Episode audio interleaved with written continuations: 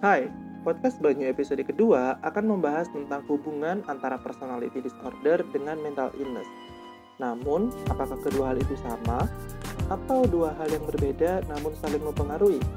Simak pembahasannya agar kita lebih aware dengan masalah kesehatan mental.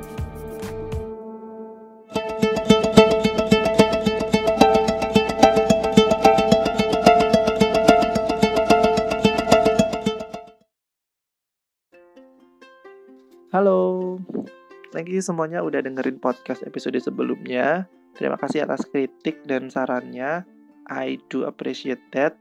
Karena setiap feedback dari teman-teman artinya teman-teman peduli untuk konten yang lebih baik. Dan sebelum dengerin podcast ini, jangan lupa untuk cuci tangan. Kalau lagi di luar, jangan lupa pakai masker dan pastikan dengerinnya nggak berkerumun. Tetap patuhi protokol kesehatan ya. Oke, jadi, kita hari ini akan berbicara mengenai kesehatan mental karena covernya ungu ya. Ungu ini uh, magenta sih. Magenta ini lambang dari ilmu jiwa dulu waktu di psikologi. Nggak tahu filosofinya gimana. Cuman ya kita hari ini akan ngebahas tentang um, kesehatan mental yang paling populer istilahnya itu yaitu mental illness atau gangguan mental dan juga gangguan kepribadian atau personality disorder. Nah, banyak orang tuh masih kebingungan sama istilah-istilah ini kayak mental illness dan personal disorder dan hubungan keduanya. Kayak saya udah contohin di intro. Kayak misalnya banyak pertanyaan nih um, apakah bipolar itu termasuk bagian dari mental illness atau gangguan kepribadian? Apakah OCD bagian dari mental illness? Dan banyak hal kayak gitu.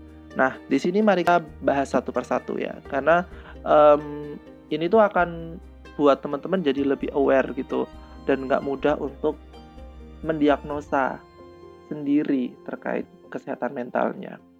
Oke, yang pertama kita akan tentang uh, apa sih definisi mental illness itu sendiri. Uh, mental illness dikutip dari situs psikiatri.org adalah kondisi kesehatan yang melibatkan perubahan emosi, suasana hati, pemikiran, perilaku atau kombinasi dari semuanya penyebabnya macam-macam dari ada yang genetik gitu kan lingkungan sampai senyawa yang ada di otak kayak gitu. Um, kalau misalnya teman-teman punya mental illness itu nggak perlu malu karena itu bisa diobatin. Ini kayak penyakit fisik kayak diabetes bahkan liver gitu itu bisa diobatin. Itu jadi nggak perlu malu akan uh, mengakui atau berobat ke psikolog atau ke psikiater gitu ya.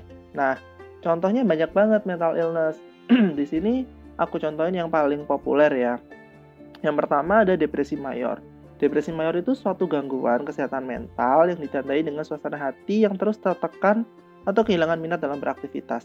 Jadi setiap bangun pagi itu kadang-kadang orang merasa kayak sedih gitu, terus mikir apakah saya harus bangun pagi dan apa namanya bersedih setiap hari kayak gitu. Jadi perasaannya itu sedih mulu terus gak ada harapan kayak gitu. Lalu anxiety disorder atau gangguan kecemasan itu gangguan kesehatan mental yang ditandai dengan perasaan khawatir, cemas atau takut yang cukup uh, kuat untuk mengganggu aktivitas sehari-hari. Nah, ini biasanya orang disertai dengan panic attack gitu kan. Kayak panic attack itu tangannya tiba-tiba gemetar, terus kayak insecure kayak gitu. Jadi dia tiba-tiba gitu. Lalu bipolar. Bipolar ini yang paling sering ditanyain ke aku gitu uh, baik apakah aku kena bipolar? Gitu kan. Loh kenapa? Gitu. Uh, aku tanya dia aku soalnya moodnya gonta-ganti gitu kan. Nah uh, definisinya bipolar itu adalah suatu gangguan yang berhubungan dengan perubahan suasana hati yaitu mood tadi mulai dari posisi terendah atau biasa disebut depresif ya kan ke yang tertinggi atau fase maniak gitu kan. Kombinasi antara genita, genetika, lingkungan, serta struktur dan senyawa kimia pada otak yang berubah mungkin berperan atas terjadinya gangguan. Jadi teman-teman kalau misalnya swing mood ya uh, cepat gitu ya. Misalnya jam 1 tiba-tiba teman-teman senang gitu ya. Lalu jam 2 udah mood bad mood lagi gitu. Pertanyaannya adalah apakah ini bipolar apa enggak? Saya pastikan itu bukan bipolar.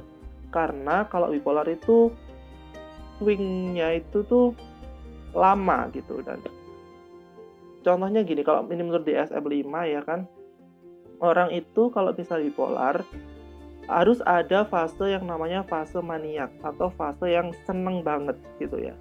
Minimal empat hari minimal empat hari gitu kalau di BSM jadi misalnya nih kayak teman-teman habis apa ya habis minum minum obat kuat atau apa nggak tahu pokoknya yang bikin high gitu atau mungkin obat-obatan tertentu. Terus empat hari itu merasa seneng energinya berlebihan gitu. Kayak tugas itu dikerjain benar-benar ngebut terus habis itu nggak tidur. Saya, saya perasaannya tuh senang banget gitu selama empat hari berturut-turut gitu. Terus tiba-tiba di hari kelima atau hari keenam gitu tiba-tiba anjlok ke fase yang depresi ya.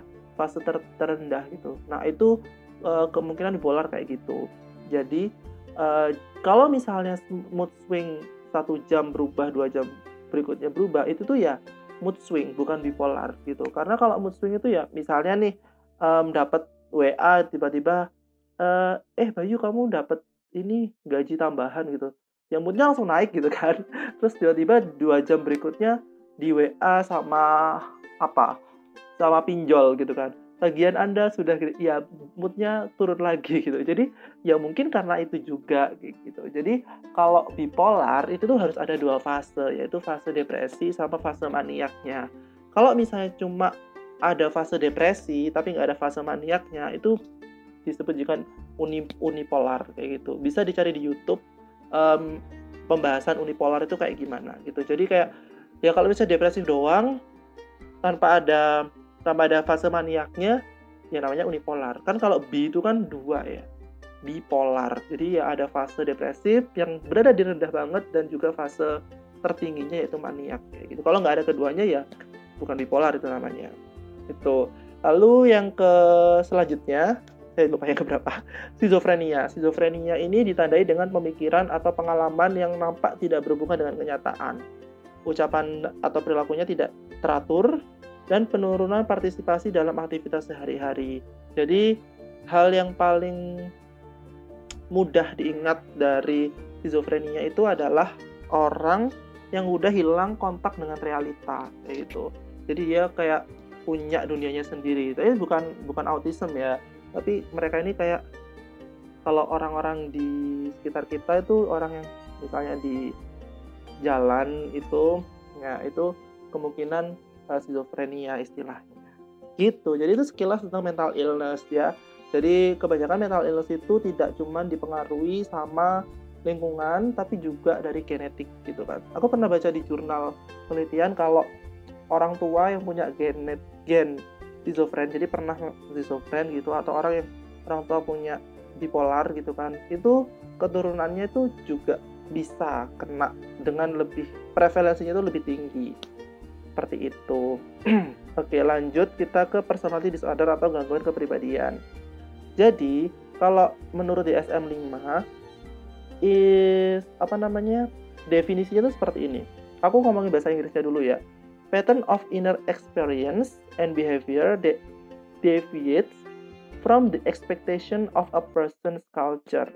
Kalau di bahasa Indonesiain, suatu pola pengalaman batin dan perilaku yang menyimpang dari ekspektasi budaya atau kebiasaan orang tersebut gitu. Jadi kalau gangguan kepribadian ini tuh terkait inner experience. Inner experience itu apa ya? Jadi gini contohnya. Ini bayangin teman-teman ada di depannya itu ada gelas yang diisi sama air tengah gitu kan. Ada dua orang itu yang ngomong yang ditanyain ini kalau kamu persepsikan seperti apa? Yang satu ngomong mungkin ini gelas ini setengah kosong. Yang satunya gelas ini terisi penuh setengah kayak gitu. Sama-sama benar gitu. Sama-sama benar gitu kan. Namun orang pertama itu cenderung negatif dan orang cenderung dua cenderung cenderung positif. Nah itu inner experience kayak gitu. Nah gangguan kepribadian itu memberikan efek pada dua dari empat area kehidupan kita.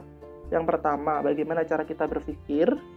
Yang kedua bagaimana kita bereaksi atau menunjukkan emosi kita yang ketiga, bagaimana cara teman-teman berhubungan dengan orang lain. Dan yang keempat adalah bagaimana kita mengontrol impuls kita.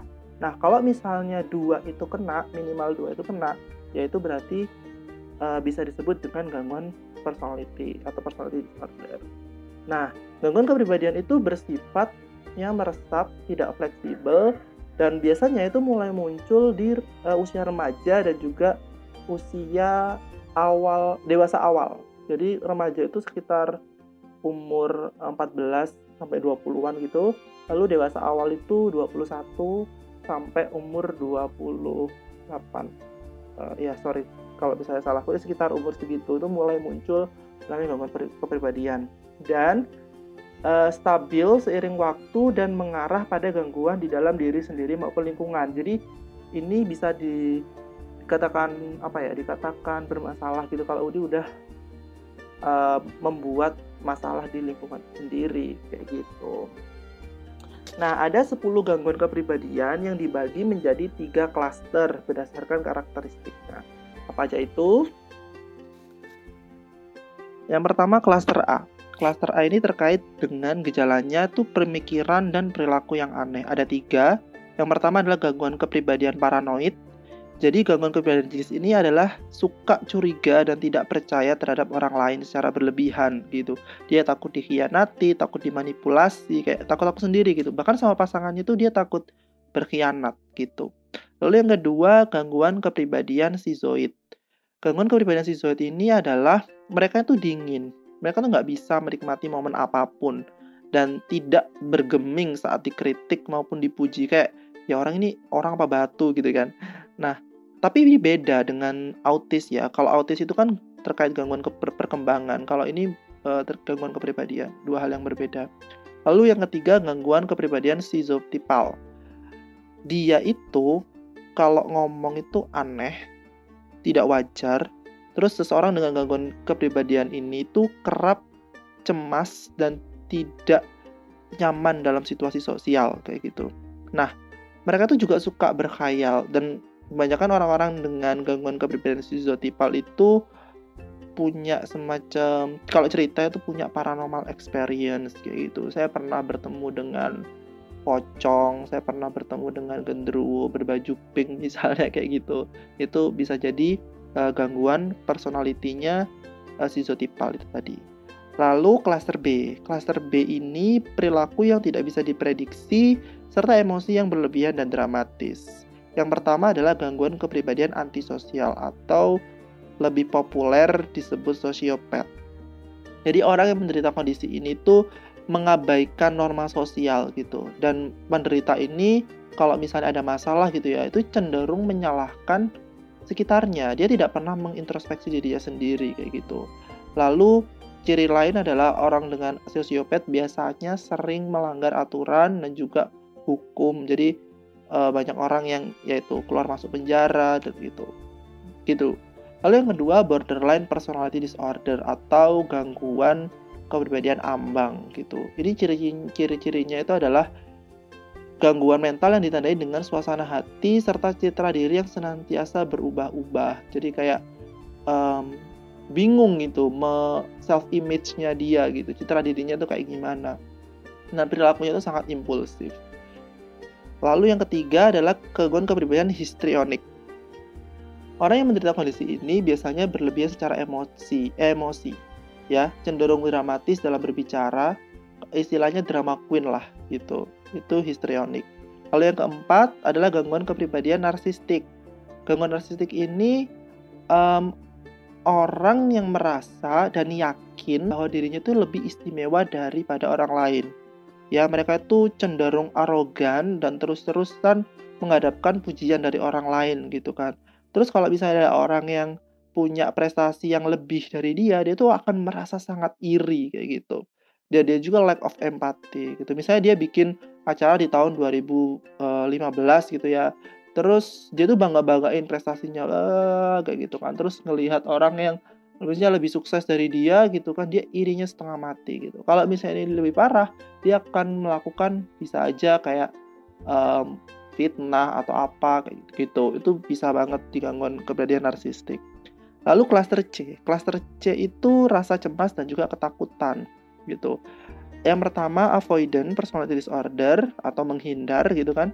Ciri utamanya itu um, mereka itu menghindar terhadap kontak sosial kayak gitu.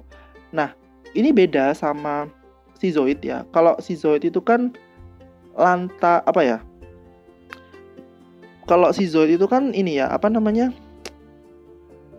dingin gitu. Kalau yang avoidant ini itu tuh karena mereka itu anxious sama social setting. Mereka takut nggak diterima, mereka kayak aduh ini make upku cuma pakai bedak Viva gitu. Kira-kira sama gengnya diterima nggak ya gitu. Kayak gitu-gitu. Jadi aduh baju-bajuku bukan Uniqlo nih, bajuku cuman um, baju bekas kayak gitu. Ah takut ditolak kayak gitu-gitu. Jadi mereka takut akan uh, ekspektasi orang kayak gitu, social setting gitu. Lalu gangguan yang kedua, gangguan kepribadian dependen gitu. Mereka ini sangat tergantung pada orang lain dalam hal apa pun. Mereka tidak bisa mandiri dan diliputi rasa takut akan ditinggalkan orang lain. Gitu. Jadi mereka kayak bener-bener dependen sama orang gitu. Kayak hidup kalau nggak ada orang ini kayak dia tuh kayak nggak bisa melakukan hal sendiri gitu. Dia merasa keputusannya itu harus uh, kira-kira ini gimana kira-kira ini gimana? Jadi harus sama orang lain terus. Ini gangguan kepribadian dependent. Lalu yang ketiga yang terakhir itu adalah gangguan kepribadian obsesif kompulsif atau OCD gitu. Ini populer banget orang yang mengalami kondisi ini bisa dikatakan dikatakan dalam tanda kutip gila kendali gitu. Maksudnya gimana? Mereka tuh sulit untuk bisa bekerja sama dengan orang lain dan lebih memilih untuk mengatur dan menyelesaikan tugasnya sendiri kayak gitu. Jadi mereka tuh kayak aduh ini kayaknya kurang kurang ini, kurang ini, kurang ini. Itu drama Korea apa ya? Itu ada yang orang sampai bersihin tangannya itu sampai 1 2 3 4 gitu mulai dari cuci tangan biasa, air sabun, cuci tangan lagi, air sabun terus akhirnya sampai handuknya itu per per keran itu beda-beda gitu. Jadi sampai mereka kayak gitu. Jadi orang yang di OCD juga misalnya mereka nggak mau salaman, mereka nggak mau apa ya, mereka nggak mau pegang gagang pintu kayak gitu-gitu. Ya sebenarnya ini juga terjadi di COVID-19. Jadi buk, tapi buk, orang-orang dengan itu bukan bukan lantas langsung OCD ya, karena kalau OCD ini ada kayak klasifikasinya kayak gitu. Nah itu adalah gangguan personality atau uh, personality disorder itu ya kepribadian gangguan kepribadian sorry. Lalu uh, ada pertanyaannya gini, apakah orang bisa punya lebih dari satu gangguan kepribadian gitu? Jawabannya bisa. Ya, jawabannya bisa. Karena itu kayak bisa mix gitu. Dia orang bisa punya OCD sama narsistik itu juga bisa kayak gitu-gitu. Bias tapi biasanya itu satu klaster. Jadi satu klaster misalnya satu klaster A, satu klaster B misalnya orang antisosial sama narsistik kayak gitu. Waduh, medeni kalau orang antisosial sama narsistik gitu ya. Tapi juga tidak menutup kemungkinan dari klaster lainnya gitu. Lalu ada pertanyaan juga gitu. Oke, ini akhirnya pertanyaannya gini. Apakah gangguan kepribadian ini termasuk mental illness gitu kan? Jawabannya tuh gini. Illness dalam memandang atau mendefinisikan schizophrenia bipolar, depresi, ADHD ya atau hiperaktif itu berbeda gitu. Kalau mental illness yang dimasukkan di situ itu sangat berhubungan dengan senyawa yang ada di otak, ada gangguan di otak. Ya, meskipun juga ada e, pengaruh lingkungan dan juga pengalaman traum traumatis gitu. Nah, kalau personality disorder itu itu terjadinya karena apa? Terjadinya tuh karena berarti ini tidak diketahui secara kayak uh, pasti gitu ya bisa aja kayak contohnya narsistik narsistik itu terjadi karena neglecting parenting kayak gitu jadi terus parenting yang nggak konsisten. Jadi mereka tuh butuh kayak validasi validasi gitu. Efeknya bisa jadi narsistik kayak gitu. Nah kalau dibahasakan gitu kan tapi kalau di bahasa Indonesia kan sama-sama gangguan ya. Tapi kalau di bahasa Inggris kan illness sama disorder. Kalau illness itu tuh definisinya is the state of being unhealthy gitu. Physically or mentally gitu. Jadi uh, lebih ke kondisi tidak sehat gitu kalau disorder itu pengertiannya is abnor is a abnormal physical or mental state usually used for mental and psychological disorder and usually due to in, intrinsic sorry intrinsic abnormalities jadi kayak tadi kan inner experience yang berbeda dari person's culture kayak gitu kan. Nah, kalau mau dibikin analoginya, apakah gangguan mental atau mental illness itu mempengaruhi disordernya? Jawabannya kebalik gitu. Personality disorder seseorang itu bisa berefek bagaimana cara dia um, bagaimana cara dia bereaksi terhadap gangguan mentalnya. Contohnya gini, iklim itu personality disorder, ya kan? Cuaca itu mental illness. Iklim mempengaruhi cuaca apa cuaca mempengaruhi iklim? Ya kan? Iklim mempengaruhi cuaca. Ini saya ngomong-ngomong sendiri, jawab-jawab sendiri. Jadi, um, nah, kalau misalnya aku contohin ya, aku contohinnya gini. Ada orang gitu punya bipolar. Nah, orang tuh merasa dibenci sama anak, istri, sama keluarganya. Terus dia juga bikin suka bikin kayak misalnya komen terus ngejek orang di Facebook gitu ya. Terus dia berpikir apa gara-gara ini gara-gara bipolarku gitu kan. Jawabannya enggak, itu tuh bukan karena bipolar kamu, tapi karena kepribadian kamu. Kayak empat hal yang saya sebutin di awal, bagaimana cara kita berpikir, bagaimana kita bereaksi, menunjukkan emosi kita, dan bagaimana cara kita berhubungan dengan orang lain, itu tuh termasuk di personality. Kalau misalnya personality, personality atau kepribadian, kalau misalnya hal tersebut mengelit ke suatu gangguan atau bermasalah, yaitu namanya gangguan personality. Gitu.